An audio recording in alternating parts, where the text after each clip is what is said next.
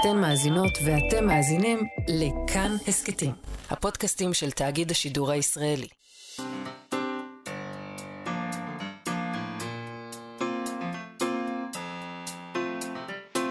מה שכרוך עם יובל אביבי ומה יעשה לה.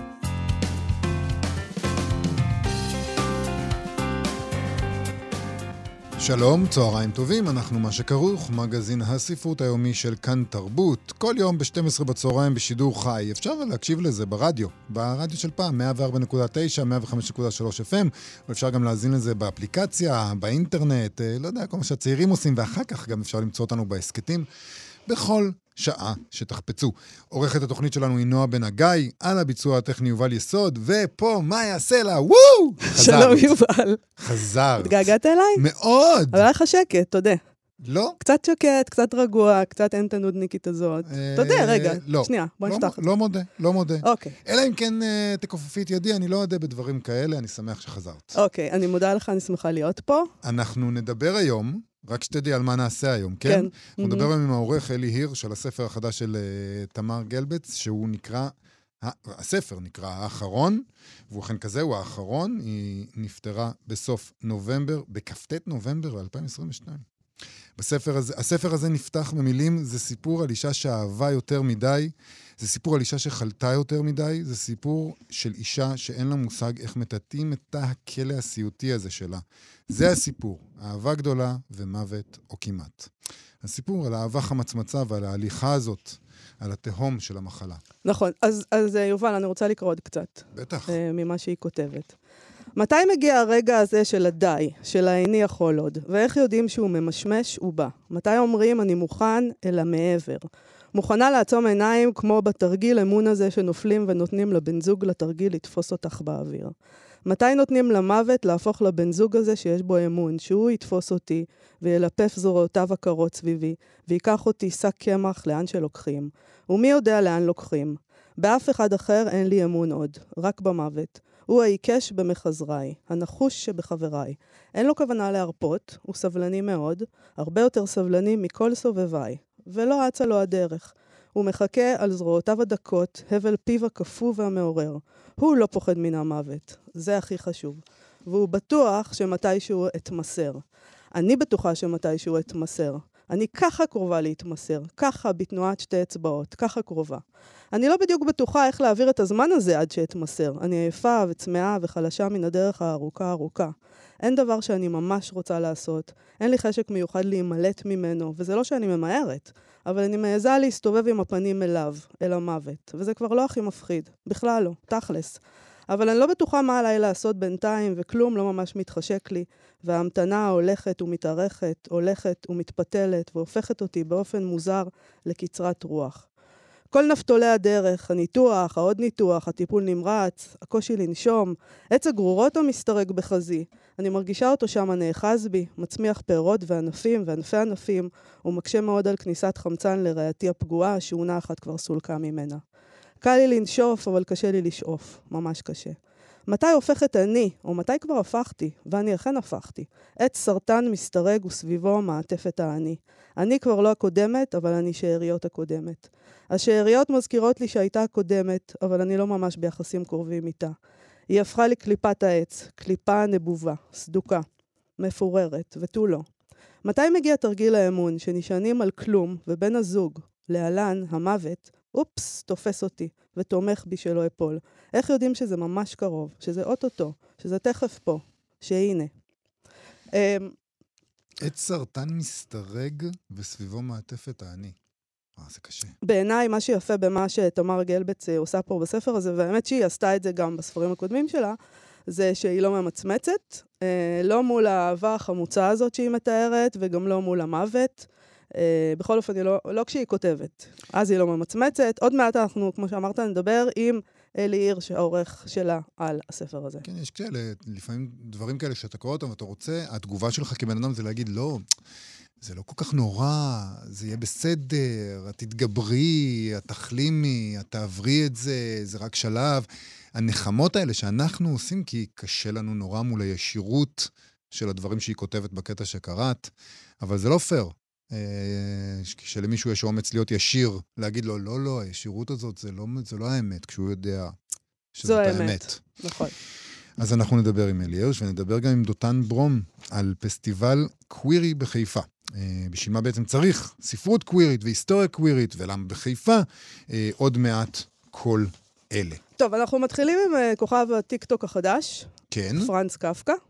אם פרנץ קפקא יכול, גם אנחנו יכולים, מה היה? נכון. ואנחנו כל הזמן אה, מגלגלים את זה בינינו, ואיכשהו זה לא קורה. אם כי אני מרגיש שאם פרנץ קפקא שם, אז אולי זה השלב שבו אתה אומר, די, די. זה קפץ את הכריש. אנחנו כבר יכולים לעבור לאפליקציה הבאה. נכון. אה, טוב, מסתבר שקפקא הוא להיט בטיקטוק, אה, במרקר, קראתי. אה, סיפרו לנו שלהאשטג קפקא יש כבר 140 מיליון צפיות. 140 מיליון צפיות. להשטג קפקא. אני לא יודע אם זה הרבה יותר. 140 מיליון, זה הרבה. מה זאת אומרת? זה נשמע כן? לך אולי באיזה יקום זה לא הרבה? קפקא. זה כמו אוקיי. שתגידי לי, 140 מיליון איש קראו את התנ"ך, נגיד, סתם. אה, לא שאני משווה בין אומר- קפקא לתנ"ך. זאת אומרת, 140 קראו- מיליון קראו את כן, התנ"ך? מה יש? להם? ח- מיליארדים קראו את התנ"ך. אוקיי, הטיקטוקר- טיקטוקריות, ככה קוראים לזה היום, שמעתי, הולכות שבי אחרי מראה פניו. הם אה, כותבים יפה? במרקר, הוא יפה? קפקא לא היה יפה בשום צורה, אבל כן, כנראה שאנחנו אוהבות את זה ככה. אה, מצטטות בסרטונים שלהם מילים שהוא כתב לאהובתו, ונעצבות אל ליבן, כי הוא לא סיים את היצירות שלו, כמו שאנחנו יודעים. אה, לא רק שכתביו פורסמו נגד רצונו, למחבר הגלגול נוספו לאחרונה עוד כמה סיבות להתהפך במקום מנוחת העד שלו. העד שלו, זה, זה אני, אני קוראת מהמרקר, שהם הם, אה, כותבים את זה מאוד פיוטי. כן. אני לא יודעת למה אנשים שכותבים על ספרות פתאום אה, מתפייטים ככה. תכתבו שכל היום. תכתבו רגיל, את חושבת שכל בבקשה. היום את בכלכלה. אה, כותבת על אה, להיות, שר האוצר כן. ו- ועניינים כאלה שאני... פתאום קפקא נופל לך כן, לידיים. לא שאני מזלזל באוצר, כן? זה חשוב לא פחות מספרות. אה, אולי קצת פחות. אבל קפקא לא כתב ככה. לא. אז אם את כותבת על קפקא, תכתבי בקפקאית אם את רוצה. טוב, אה, בכל אופן, היא כותבת שם כמעט 100 שנים לאחר לכתו, דור ה-Z גילה אותו, יופי. אה, אני באמת לפעמים תוהה, יובל, לאיזה מין עולם מטופש אנחנו, אני נקלעתי. כן. אולי אתה נקלעת לעולם פחות מטופש. לא. אבל אני מנסה איכשהו ליהנות מכל איזה- זה מכל הדבר הזה. אני לא מנסה ליהנות. נכון. זה אולי אני ממש. מתעקשת ליהנות איכשהו. מה זה דור ה-Z גילה אותו? לומדים אותו בכל מקום. מה, הפסיקו ללמוד אותו? זה קפקא. מה, הם גילו... אה, עכשיו תראה. דור ה-Z גילה אותו? לא, אבל במרקר כתבו שעכשיו דור אה, הזה אוקיי. גילה אותו. זה פשוט אני חושב שהעניין הוא שבאמת הוא, פתאום נהיה סנסציה של טיק טוק, והדבר אה, לא... דור ה-Z, אי אפשר להגיד שהוא גילה משהו, אלא אם כן הוא סנסציה בטיק טוק. ברגע שמשהו הוא סנסציה בטיק טוק, אפשר להגיד, אוקיי, דור ה-Z גילה את זה. כמו שאנחנו, אם זה לא היה בפייסבוק, אבל קפקא יש בפייסבוק, אבל כפייסבוק זה כבר לזקנים. טוב, מסתבר שהם מאוד אוהבים שם בטיקטוק את אה, מכתבים אל מילנה. הקובץ שבו מרוכזים אה, המכתבים שהוא שכתב כתב. למילנה. כן, כן, נכון, כשמו כן הוא. אחת הטיקטוריות, טיק, איך אומרים? טיקטוק, טיקטורי, טיקטוק. טיקטו, טיקטוריות. טיקטוקריות. טיקטוקריות. למה אתה מבלבל אותי עכשיו? לא הבנתי. כי אני פשוט כל כך זקן מרגיש עכשיו, אז אני גם קצת מבולבל. טיקטוקריות כתבה, זה לא קשה. זה לא אה, קשה. היא כתבה כך, אתן שם בחוץ מתלהבות מאיזה גבר מכוער, מסריח ולא משכיל, כי הוא שלח לכן הודעה חזרה. כשקפקא כתב, אני לא יכול להחזיק מספיק ממך בזרועותיי למילנה. כן? ואני היום עושים לכם אמוג'י של, אה, של קקי מחייך, ואתם אומרים, או, הוא הוא אוהב אותי. הטיקטוקרית הזאת היא מרגריטה מוקה קוראים לה, אם את חייבת לדעת. היא אוהבת גם את רורי, מבנות גילמור. רורי מבנות גילמור, מי לא אוהבת את רורי? אני לא מכיר אותה. אתה לא ראית בנות גילמור? לא טוב, ראיתי בנות יובל, גילמור. צא מהאולפן, בבקשה. ואת לאנה דל עזוב ריי. את האולפן. לאנה דל ריי אני מכיר. אה, היא אוהבת את לאנה דל ריי, שזה לא יאמר לטובתה, אני חושבת. אני לא יודע. אני לא יודעת, הבת שלי לא מרשה לי לשמוע לאנה דל ריי. כי היא מאוד ענוגה, זה גם כן מאוד לא קפקאי המוזיקה שלה. נכון. אה, בכל מקרה, היא מעלה סרטונים והיא מצטטת אותו, למשל כך. הוא אומר, אני אוהב אותך, אבל פרנץ קפקא אמר, למעשה, אני רוצה יותר ממך. בדמיוני אני מלביש אותך באור. אני עוטף אותך בשמיכות של קבלה ללא תנאים, ואז מוסר את עצמי אלייך. אני הורג לך. אני, שלרוב הורג מבלי להרוג באמת, כאילו אני חסר הכרה, שקוע בניטרליות ובאדישות. אני באמת הורג לכל חלק וחלק ממך. הורג בעין. כן. אוקיי. לא, אני רוצה שזה יהיה ברור. זה יכול להיות גם באלף וגם בה', אז חשוב, טוב שעשית ההבדלה הזאת. אה, לא שלל. אופציות יש. אוקיי. אה, והיא כותבת, לדעת שקפקא מת כשהוא חושב שהוא כישלון ורוצה שישרפו את כל היצירות שלו, כואב לי יותר מהכל. הלוואי שהייתי יכולה להגיד לו בכמה חיים הוא נגע עם היצירות שלו, איזה יוצא מגדר הרגיל הוא היה ותמיד יהיה. אני חושב Mm. שהדור הזה, סליחה על ה... לא, זה רגע של רצינות.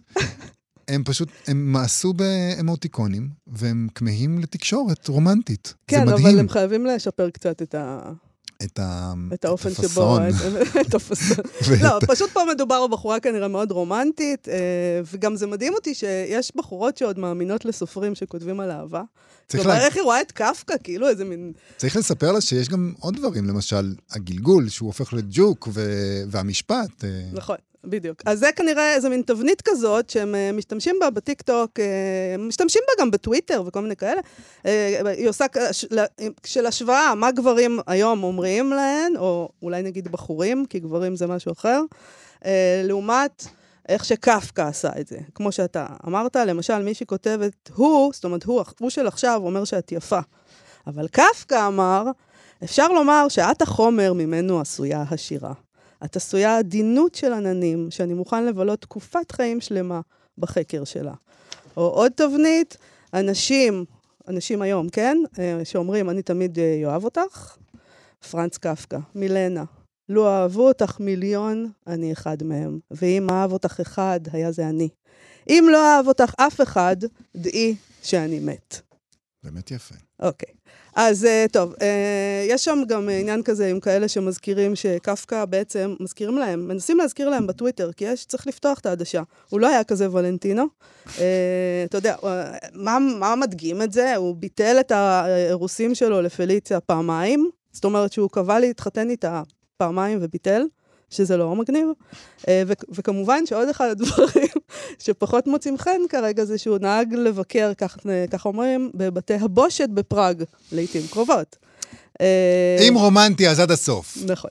אה, לא, הוא התחתן, הוא, התנהג יפה, אבל... בסדר? איך אתם קוראים לזה? נשים בזנות. אוקיי, אה, אבל במרקר מספרים לנו שזה לא מטריד במיוחד את המעריצות החדשות. אה, מישהי כתבה שם, קפקא הוא הגבול התחתון שלי, אני לא אצא עם גבר, אלא אם כן זה קפקא. טוב, אז לא תצאי הרבה. קפקא הוא הגבול התחתון שלה. זה נשמע... אני רוצה להתערב איתך שבחיים הם לא קראו קפקא, חוץ מאת המכתבים למילנה. כן. אה, כמו שאתה אמרת, הם לא קראו את הגלגול, הם לא קראו את הטירה, הם לא קראו, הם לא קראו את אה, שער החוק, אה, והם, אני לא יודעת אם הם באמת היו רוצות גבר, שזה מה שהולך לו בראש. למרות שלפי דעתי, אני הייתי מוכנה ללכת איתו לדרינק. כן. אבל לא בטוחה שהן היו אני- הולכות על זה. אני לא בטוח שאתן, את והן, אותו... לא בטוח. אותו טיפוס בדיוק, זה הטיפוס שלכן. אה, וכאילו, את, את יודעת, אה, אפשר לראות את זה עליו, שמשהו נסער מתחולל בפנים. את אמרת, אמרת שהן מאוהבות את איך שהוא נראה, אבל רואים עליו שמשהו נסער מתחולל שם. האם אי פעם מישהו חשב על קפקא שהוא גבר יפה? לא הבנתי את הדבר הזה. אני מוכן לחשוב את זה עליו, בגלל אוקיי. שבעיניי כל האנשים יפים.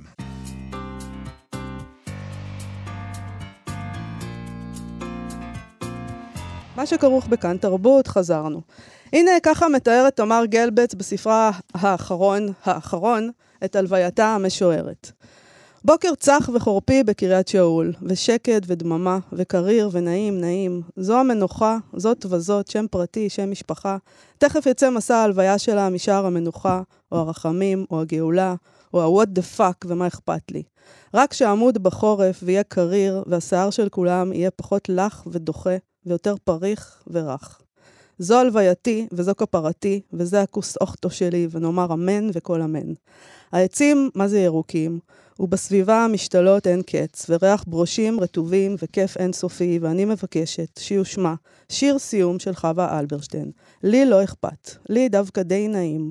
לשיר באוזניכם את השירים הכי פרועים, ולהתייצב בפני האלוהים עם שתי גומות של חן ועם שישה מיתרים קרועים. שתי גומות של חן, שישה מיתרים, יאו אלי. מה פתאום היא ביקשה את השיר הזה? מטורפת. סתמו, זה מה שבא לי. הפתוס והמוות, וריח עצים החתניים, ברושים, אורנים, עץ חג מולד. איך לזה קוראים לעזאזל? אין לי מושג ולא זוכרת. אשוח, אשוח. מתחרז עם רוח, איך שכחתי. אז uh, אני יכולה להגיד לך, יובל, שההלוויה שלה הייתה ככה במידה רבה, היא נקברה בקריית שאול. אני לא יודעת אם היה אש, אה, עץ אשוח, אבל היה חורף, זה היה בנובמבר האחרון. השיער של כולנו היה פחות לח ודוחה ויותר פריך ורך. וניגנו שם את שיר סיום של חווה אלברשטיין, בדיוק כמו שהיא ביקשה. האחרון הוא הרומן הרביעי של תמר גלבץ. קדמו לו עד בתקופה טובה, מקופלת, שגם היה מועמד לפרס ספיר, והמתים והחיים מאוד. את כל הספרים שלה, כולל האחרון, ערך אלי הירש. שלום, אלי. שלום. אתה, אתה עבדת עם תמי על הספר הזה לפני, או שרק אחרי מותה? לא, ברור שלפני, אנחנו היינו מאוד קרובים, וגם אה, קראתי את הספר בכל שלביו, אפשר לומר. והעבודה שלי, וגם בעצם הספר כבר היה ערוך לפני מותה, כי היא שלחה לי אותו כשהיא התאשפזה, בתחילת האשפוז כן. האחרון. וככה שבעצם היה ספר והספקנו לדבר עליו, והיה לי, מבחינה זו, היא ממש אה, התייחסה אליי באהבה רבה, כי, כי זה לא רק מה ש, ש, שאפשרה לי לגמור לערוך אותו לפני שהיא הלכה לעולמה, אלא גם העבודה המופלאה שלה על הספר ממש בחודשים האחרונים של חייה. אני מצטער, אני נורא מתרגש. שהספר היה בעצם כמעט מוכן כבר לפני שנתיים או שלוש, Hmm. והיה בינינו ויכוח ביני לבין תמי, היא חשבה שהוא לא מספיק טוב, ואני אמרתי לו, עזבי, הוא מצוין, תני לי רק לערוך אותו קצת. ואז בחודשים האחרונים, שהיו חודשים ממש טובים, היא הרגישה הרבה יותר טוב, לפני האשפוז, כן? כן. ולפני, לפני הקריסה, והיא גם עשתה את זה, היא, היא לקחה את הספר והיא הטיסה אותו למעלה, בעצם ערכה את עצמה, כתבה סוף, אה, חיברה יותר טוב בין שני חלקי הספר, כי זה ספר שמצליח לעסוק בעת ובעונה אחת באהבה חסרת גבולות ובמוות, במחלה ומוות. נכון. ומה שקיבלתי הייתה, היה באמת יצירת מופת של, שאישה פרפקציוניסטית ערכה, כן? ו, וטרחה עליו מאוד, ולי נשאר רק לסדר את זה, כמו, ש, כמו שעורך צריך, כן? קצת לסדר את זה, לא יותר. ו... אז במובן זה, אפילו את השם של הספר נתנה. זהו, רציתי לשאול על השם הזה. שזה דבר מדהים, נכון. כי היה שם אחר, שהיה שם העבודה שלנו, ככה קראנו לספר, אני לא אגלה אותו כי, כי תמי החליטה שהיא לא רוצה בו. Mm. והיה היה ממש, דיברתי על הספר וציינתי את שמו, המקובל, כשהיא הייתה מאושפזת, והיא כעסה עליי נורא, ואיך אני בכלל יכול לחשוב ששם כל כך גרוע יהיה לספר שלה. ו... ואז ויתרנו עליו, ואז אה, נאלצנו להתמודד עם העובדה שנצטרך כנראה למצוא שם לבד, שזה נורא, כן, נורא למצוא שם לבד, אבל אז, כמה ימים אחרי מותה, או שבוע, או ש... אני לא זוכר, אה, אה, רונן בנטל, כן, אה, השל... אה, ש... שבעצם הוא, הוא, בן הזוג לשעבר שלה, האקס שלה, אבל גם מי שעמד במרכז הקבוצה שטיפלה בה בשנים האחרונות, אה, דמות מאוד מרכזית בחייה, שלח לי טקסט שהיא השאירה בטלפון שלה, בסלולרי שלה, שהיא כתבה שבוע לפני, אה, לפני מותה. היה לה רגע של, של צלילות, והיא כתבה שם שבעה שמות אפשריים לספר, והשם האחרון היה האחרון. Mm. היא לא אמרה לנו, היא רק כתבה את זה, והוא שלח לנו את זה. יש לי את ה... את ה אני, איך שקיבלתי ממנו את, ה, את הוואטסאפ הזה, אני הבנתי מיד מה יהיה שם הספר, הראיתי לנתי, בת זוגי, היא הבינה מיד. לגבי סילון, המו"ל של חרגול, היא הבינה מיד, כולנו הבנו שתמי אפילו נתנה שם לספר, כן? האחרון.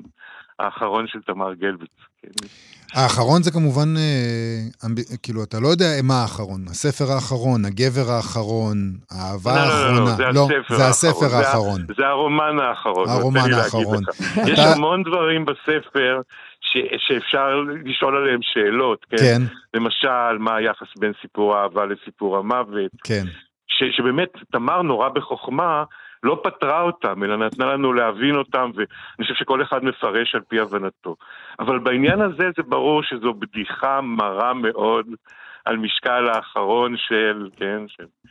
אז של בואו רגע אבל נדבר על, כן. נדבר על מה שאמרת עכשיו, על כן. החיבור הזה שהיא עושה בין אה, אהבה למוות, שזה כן, חיבור, כן. אתה יודע, זה החיבור אה, פסיכולוגית, אולי יצר החיים ויצר המוות, זה שני הדברים המכוננים, אבל תספר קצת מה היא עושה שם בעיניך. אז, אז זהו, שבעיניי, אני, אני, מה שמצחיק זה שאנחנו דיברנו על זה הרבה בחיי, אבל לחשוב על זה בצורה רצינית, חשבתי רק בימים האחרונים, כי לפני כמה ימים קיבלתי מכתב מסופרת שאני מאוד מעריך, שמאוד אהבה את תמי, וכתבה לי, וכל מה שהיא כתבה זה על סיפור האהבה, וזה הדהים אותי, כי בעיניי סיפור האהבה הוא מין רקע. אה, לתוכן העיקרי, שזה סיפור המחלה והמוות, או הייתי אומר, זה מקור לקומיק ריליבס, כן? להפוגות אה, קומיות, זה מין משל, זה משהו שנותן לספר נפח ורוחב, כן? אבל ברור שהוא משני לסיפור העיקרי, שהוא סיפור המוות. מהרגע שקיבלתי את המכתב ההוא, אני כבר לא בטוח, ואני מבין שהיכולת של תמי לשלב את שני הסיפורים בלי לפתור את היחסים ביניהם, היא ממש גאונית. כי אני מניח שגם לך אין תשובה ממש טובה, כן? לשאלה הזאת ששאלת. לא, אין לי תשובה. או אם יש לך, היא תשובה מאוד פרטית. וזה הקסם שבספר. אני חושב גם שיצר החיים ויצר המוות זה לא... זה לא שהאהבה מייצגת פה את יצר החיים, כן? האהבה מייצגת אספקט מסוים. כן, גם אהבה חמוצה קצת. היצר כן. החיים, זה אהבה, כן. ואנחנו, יצר החיים זה, זה משהו שבא קודם כל לידי ביטוי בתשוקת החיים שלה, וזה אנחנו יודעים, שהיא רצתה לחיות יותר ממה שהיא רצתה כל דבר אחר. היא שבוע או עשרה, לא, שבוע לא נכון, אבל שבועיים לפני מותה, כשהיא התחילה לעכל את העובדה שהיא הולכת למות, היא אמרה לי, אין בי שום נכונות או מוכנות למות. אני לא hmm. רוצה למות. אני שעתיים בכל יממה מבקשת את נפשי למות, כי היו לה כאבים.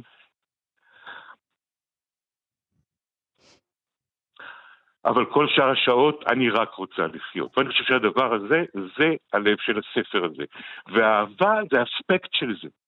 זה, זה רק אספקט של התשוקה הזאת לחיים שמתבטאת קודם כל באיך היא כותבת, איזה חדוות חיים וחדוות כתיבה, כן? זה באמת ספר יוצא דופן, בעיניי מין קריאת חובה, כי כמה ספרים אנחנו קוראים על מוות לא של איזה דמות, של גיבור, אלא שהסופרת, כמו שאת הראית בקטע המדהים שציטטת, שגם, שאני בעצם קראתי בה, בלוויה, כן, כן. על ההלוויה שלי. כמה סופרים מסוגלים לא לכתוב על מותו של אחר, אלא על מותם שלהם, גם בדייקנות כזאת וגם באיזה מין חדווה ומוחשיות וחושניות. ככל שהיא לא רצתה למות, היא ידעה שהיא עומדת למות, היא ידעה. וזה מה שנותן לספר הזה את העוצמה שלו. כן, היכולת, שלה, היכולת שלו לכתוב על מותה שלה בעוצמה כל כך גדולה, ואנחנו לפעמים שוכחים שהיא כותבת על מוות, כן? מרוב שיש חיים בספר. נכון, וגם, אפילו הומור. היא מצחיקה גם. הומור, כן, כן, אני... Uh, יש המון הומור, היא נורא מצחיקה. זו אותה תמי של הספרים הקודמים, כן. רק במובן מסוים יותר מזוקקת. היה לה הרבה יותר קשה לכתוב את הספר הזה, היא כתבה אותו במשך שש או שבע שנים, וכתבה אותו, את רובו המכריע, בתוך המאורעות הקשים שמסופרים בספר. איך אתה כותב שאתה משתקם מניתוח דרמטי, או כשאתה מקבל, או למשל אחד ההישגים המדהימים בעיניי, סתם היה מאוד קשה עם הספר, בין השאר היא תמיד ציינה את העובדה שמי ירצה לקרוא טקסטים על כימו, כן? Mm-hmm. או על הקרנות, אבל איך היא כותבת על כימו והקרנות, כן?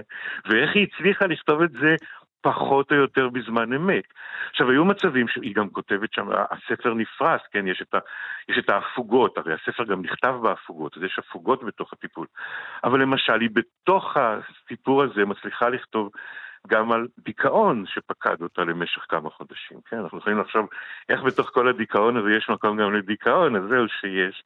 ויש גם את כל הרגעים שבהם היא פתאום מסתכלת על עצמה, רואה את עצמה, מדברת על עצמה, הרגעים המופלאים האלה שבהם היא בוחנת את חייה, כן? זה, זה, זה ספר מלא כוח, אני לא יודע, זה נורא מדכא להיות העורך שנשאר לבד, כן, עם הספר. אבל אתה יודע, אנחנו... הסופר, אנחנו... בלי הסופרת, כן, ה... ואני לא, אני, אני כמובן שתמיד יש כאן איזה יסוד של אבל, כן, אני בעצמי באבל, וברגע שאני מדבר על הספר, זה מה שמתעורר, כן. כן. אתה יודע, אנחנו כקוראים, יש בוודאי קוראים שקוראים את זה בצורה אה, אחרת לחלוטין, כיוון כן. שלא נמצאים אה, בעמדה שלך, אבל אני חושב כן. שאחד אה, המאפיינים של הדברים האלה, גם בקטעים שמאיה קרא, אה, כן. זה הישירות הזאת. ואתה יודע, אנחנו כן. כבני אדם, יש לנו... פתאום אתה מגלה שאתה נורא נורא צבוע. אתה רוצה להגיד, לא, יהיה בסדר, אתה רוצה לנחם, אתה, ואין את האופציה הזאת כאן. וזה, זה, אתה יודע, זה מאוד מאוד מאמת אותך עם הצביעות שלך כקורא לפעמים, או כבן אדם. כשאתה... אתה מתכוון מת... עוד פעם לאיך אתה מתמודד עם מוות בחיים. נכון, כן, והיא מכריחה אותנו נורא נכון, להישיר נכון, מבט. ותפסיקו להצטעצע. והיא גם, והיא, כן, והיא גם עוזרת לנו לעשות את זה בלי להתרסק. בעזרת כל הומור, כן? בעזרת המון פיתויים, פיתויים לשוניים, היא מצליחה לא רק, אה, היא, היא חודרת לנו ללב, אבל בגלל, גם בגלל שהיא זוכרת אותנו. וזה היה חלק מהקסם של להיות חבר של תמר, וחלק מהקסם של לקרוא את הספר, שהיא עזרה לך לשאת את הכובד ואת הקושי, שהיא הביאה איתה מעצם זה שהיא הייתה, כן, אישה חולה, אבל גם מעצם זה שהיא הייתה אישה מורכבת ומלאת תשוקות ויצרים סותרים ורגשות קשים מכל הסוגים, מחבריה היא רצתה את הקרבה הזאת, שהיא חושפת גם בספר, אבל היא תמיד, נת... תמיד עזרה לנו לעשות את זה. אני חושב שגם את יודעת את זה, מאיה. אני כן. אה, אני רוצה, אני רוצה, אלי, להגיד לך משהו כן. שחשבתי עליו. היא פותחת בהצהרה, אה, הספר נפתח בזה שזה סיפור על אישה שאהבה יותר מדי וחלתה יותר כן. מדי. כן. ובאיזשהו מובן, אני פתאום חשבתי לעצמי שהיא הייתה אדם מאמין, כי היא האמינה באהבה. אפילו שהיא כבר לא הייתה ילדה, והאהבה תמיד אה, אכזבה אותה. אה, ויש כאן אפילו איזה דיסוננס, כאילו מול כל הפאק יו הזה שלה, והמה כן. אכפת לי הזה שלה, היה לה כן. אכפת. או, היה לה אכפת, ברור, כן, נכון, היא הייתה מחויבת לגמרי. למשל, אני הרגשתי את זה, אמרתי את זה לפני רגע, באופן שבו הייתה מחויבת לגמרי לחברות בינינו, לידידות בינינו, כן, היא יצאה מגדרה. היא ידעה גם לריב, כי אם אתה לא, לא מחויב, אז אם אתה לא יודע להרים אתה לא מחויב. כן. אבל גם לכתיבה, איזו מסירות אדירה לכתיבה. ו- ו- וכמובן לכל האספקטים החשובים בחייה, אנחנו אומרים אדם מאמין, אנחנו חושבים על כל מיני שטויות כמו אלוהים, אבל האמת היא שאדם מאמין זה מי שחי ברצינות, כן? מי שחי מתוך הבנה שיש דברים חשובים שהוא צריך לעשות בעולם הזה, כמו, כמו לאהוב ולכתוב, למשל, במקרה של תמר. כן. וכן, את, את צודקת לגמרי. יש גם את העניין הזה, זה, כל, הרי יש שם איזה היפוכים, ניגודים כאלה, כמו שקראתי לזה בטקסט שכתבתי בעקבות מודע, כן, מצד אחד הכי, מוד, הכי מודרניזם עילאי ונשגב, מצד שני הכי פופ או רוקנרול. אבל יש גם את העניין הזה של, של הפרצוף הציני, הזוהר, שמאחוריו מסתתר משהו מאוד מאוד רך ומלא רגש, כן? ומלא תשומת לב, מלא קשב. ושהולך על האהבה, שהולך על זה, נכון, בכל הכוח, מאמין. בכל הכוח. כן, כן, כן, היא, היא, היא הלכה על אהבה, זה גם היה אחד הדברים שלמדתי ממנה, כן? שזה להבדיל בין מה, ש... מה שנראה על פני השטח לבין מה שבעומק. כן. והיא מאוד הקפידה על זה, הרי בסופו של דבר אנחנו חושבים על הספר כעל... אנחנו יודעים שזה לא עדות אוטוביוגרפית, זה לא ממואר, כן? למרות שזה מאוד מאוד קרוב לחייה של תמר, כמו בכל ספריה. ויש שם איזו עבודה מאוד חכמה על היחס בין החיים לספר, כן? ואני יכול להגיד שמהרבה בחינות החיים כמובן תמיד יותר מופלאים ויותר מלאים באפשרויות. נכון. אבל הספר מעוצב כך, ש... כי זה מה שאנחנו עושים בספרים, שלא רק החיים שלנו יוצגו, אלא גם הערכים שלנו, האמונות שלנו. והספר הזה הוא תרגיל באהבה. גם, גם בתנאים מאוד קשים, כן? תרגיל במובן, לא שזה תרגיל או אתיוד, אלא במובן הזה שיש כאן אה, מאמץ, אה, ניסיון להציג, לתת לאהבה מקום מרכזי, גם כשהיא לכאורה נדחקת הצידה. אלי הירש, תודה רבה לך על השיחה הזאת. תודה לכם. תמר גלבץ, האחרון, הוצאת חרגול. תודה. תודה רבה. להתראות. ביי ביי. להתראות.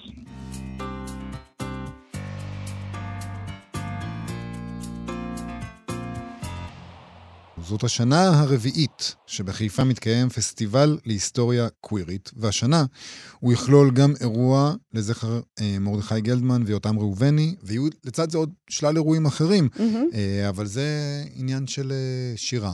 וספרות. אנחנו לכן, בספרות, לכן כן. אנחנו שם. נכון. המתרגם והמשורר אה, דותן ברום הוא מהמארגני האירוע הזה, אה, שותף ומייסד הפרויקט ההיסטוריה הגאה החיפאית, מארגני הפסטיבל הזה, כאמור. אה, שלום, דותן ברום. היי, היי בל, היי מאיה. היי. אה, תספר לנו קצת מה, מה, מה למה בכלל למה אתם... אנחנו צריכים היסטוריה קווירית? כן, ומה מה קורה בפסטיבל הזה כבר בשנה הרביעית? זה לתקוף את זה שאלה-שאלה, נכון? כן. תתחיל עם מאיה, זה הכי חשוב. ברור. אין ספק בזה בכלל, כן. אז זאת שאלה די טובה למה אנחנו צריכים היסטוריה קווירית. אני חושב שהקהילה הגאה, אה, גם התחילה לשאול אותה יחסית לאחרונה, הרבה זמן התעסקו רק באקטיביזם וזכויות, ואני חושב שההיזכרות אה, בהיסטוריה היא דבר יחסית חדש. אני- איך שאני רואה את זה, אנחנו יצורים, בני אדם באופן כללי, כן? אה, יצורים נרטיביים, ואנחנו עשויים במידה רבה מהזיכרונות שלנו. אה, וזה די קשה אה, לייצר אה, איזושהי זהות משמעותית, בלי, בלי שורשים, בלי עומק. זה נכון שבעתיים, אני חושב, אה, בקהילה כמו הקהילה שלנו, שלא נולדים לתוכה, כל אחד מאיתנו צריך ככה לחפש את אה, דרכו לתוך הקהילה הזאת ולגלות אה, את הסיפורים שלה, מי היה פה קודם, והיסטוריה קווירית עוזרת בזה. ולמה דווקא בחיפה? כן, זה אמור להיות בתל אביב כל זה, אנחנו עיר החטאים פה, לא? אז, אה, אה, את רומזת אה, שלהיות קוויר זה להיות חוטא? מה זה ה... לא, אמרתי שאנחנו עיר החטאים. כן, אז בבקשה, שהתל אביבים יתכבדו. שיתכבדו ויעשו לעצמם פסטיבל. כן, אנחנו פה בחיפה הרמנו את הכפפה הזאת, ועושות את זה כבר ארבע שנים. כלומר, פעם הרביעית, זה יותר יותר מארבע שנים. זהו, זו הסיבה שזה פה בחיפה. אז בוא נדבר רגע על ספרות קווירית. מה יהיה באירוע הזה שיוקדש למרדכי גלמן ויותם ראובני? אה, יהיו לו אה, שלושה חלקים, כן, כמו כל דבר צריך לחלק לשלושה חלקים. אז אה, בחלק הראשון יהיה פאנל אה, בהשתתפות דוקטור פרי אילני ופרופסור אירן דורפמן, שבו אנחנו ננסה לדבר באופן כללי על ספרות קווירית ובאופן ספציפי על הספרות שלהם. אה, יהיה חלק של הקראת שירה, חשוב להגיד שהאירוע הזה אני מארגן אותו יחד עם סתיו אסלן, אה, וסתיו הרכיבה lineup אה, ממש יפה של משוררים ומשוררות, היא עצמה ואורי פרס, לילך וובר, לי רבינוביץ', גיטי דהן, שני פוקר. אה, וכל אותו הזמן אה, יהיה גם יריד ספרות קווירית של הוצאות עצמאיות. אה. אני רוצה להגיד משהו גם על אה, מוטי גלדמן וגם על יותם ראובני, שאני אוקיי. לא בטוחה שהם היו רוצים להיכנס אה, תחת הכותרת הזאת, לו הם היו חיים, אה, של ספרות קווירית. אני תוהה לגבי זה. תוהה גם אני בחיבה, לא בטוח. נכון? גם אני לא בטוח, נכון. אה, וזה גם, אה, וגם מהצד השני, יש פה שאלה באיזה מידה הספרות שלהם היא ספרות קווירית. כי מהמם. בסוף קווירית והומואית ולהט"בית זה לא בדיוק אותם הדברים, וזה נראה לי גם מסוג השאלות שאנחנו נצטרך אה, לשאול יחד. בוא נשאל שנייה מה זה ספרות קווירית, אם ככה. אז אני חושב שהגדרה אחת יכולה להיות אה, ספרות שמתווכת או עוסקת בסיפורי חיים אה, או בחוויות של הקהילה הגאה, של להט"בים, אבל אה, הגדרה אחרת יכולה להיות איזושהי ספרות שהיא, אה, נגיד, מתוך עמדה של, של מיעוט, או עמדה של חריגות, עמדה של היות מחוץ אה, לנורמה, אולי אפילו באופן קצת מטריף. מהמם. דווקא אני חושב שאם חושבים על ההגדרה הזאת, אז אה, הרבה מהשירים של ראובני בטוח... כן, יותם אה, ראובני נכנס לזה, בשמחה כן, ובששון. אבל, אבל גם גלזמן, בשירים המוקדמים שלו לפחות, כן. אני חושב שיש אה, הרבה דברים שהם אה, כאלה. אז אולי אה, נעצור שנייה ותקרא שיר אחד של יותם ראובני. אני. אשמח. אז אני, אני אקרא את השיר שנתן את שמו לאירוע. השיר נקרא "איך חומקים לנו הנערים". בבקשה. איך חומקים לנו הנערים? עכשיו, כשאנחנו מוכנות לתת להם את הפריחה הרגועה הזאת, ששוב איננה אש, או שמש קיץ. עכשיו פרוסים עלינו צעיפים של שקט, שלא נמות בצעקה, אל פרי הבוסר החשוך אשר נלקח איתם אל חוף המים. שלא נראה איך ציפורים אוספות את כל הדם שבחלל, שברגליים. איך חומקים לנו הנערים, ואין עוד נרקיסים על שפת הנחל. המדורות קבות על ההרים, אחת-אחת. היו להם זרועות זהב, להצטנף בתוך הקר עם אור לבן על השדים. אתה יודע, אה, אני חושב על אה, מה- מגדיר אולי אה, ספרות קווירית, אתה יודע, לא שזה המקום שלי להגדיר, אבל אולי במידה, במידה הזאת של ההשפעה, במידה הזו שיש ציבור רחב, וזה תמיד מפתיע לגלות עד כמה הטקסטים האלה הם מכוננים עבור חלקים שונים של הקהילה הקווירית. ואולי השאלה היא בעצם, עכשיו כשהם לא יוצרים יותר, מי תופס את המקום שלהם? מי נתפס בתור איזה קול קווירי? הרי, הרי לוקחים את הקול הזה והופכים אותו לקווירי הקוראים שלו. כן. אמ, אז אני רוצה להתייחס קודם כל לחלק הראשון, של באמת הרלוונטיות של זה לציבורים רחבים. אני יכול להגיד שאני עצמי, אם אני חושב על החוויות שלי, אני חושב שבמידה רבה, כיוון שגדלתי, אה, כן, אי שם בפריפריה, אה, בעמק יזרעאל, אמ, ולא הייתה לי נגישות לעיר החטאים, כמו שמאיה הגדירה את זה. הרבה מהתיווך של מה זאת הקהילה הגאה נעשה אצלי, לפחות בשלבים המוקדמים, דרך טקסטים.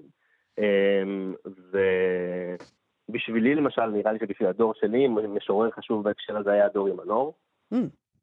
אמ, ונכון שכן, מתאר בצורה מאוד אה, ברורה, מובהקת, לפחות להומואים, כן, חוויות חיים הומואיות. יכול להיות שללסביות זה אולי של, אה, היא דמות אה, משמעותית בהקשר הזה.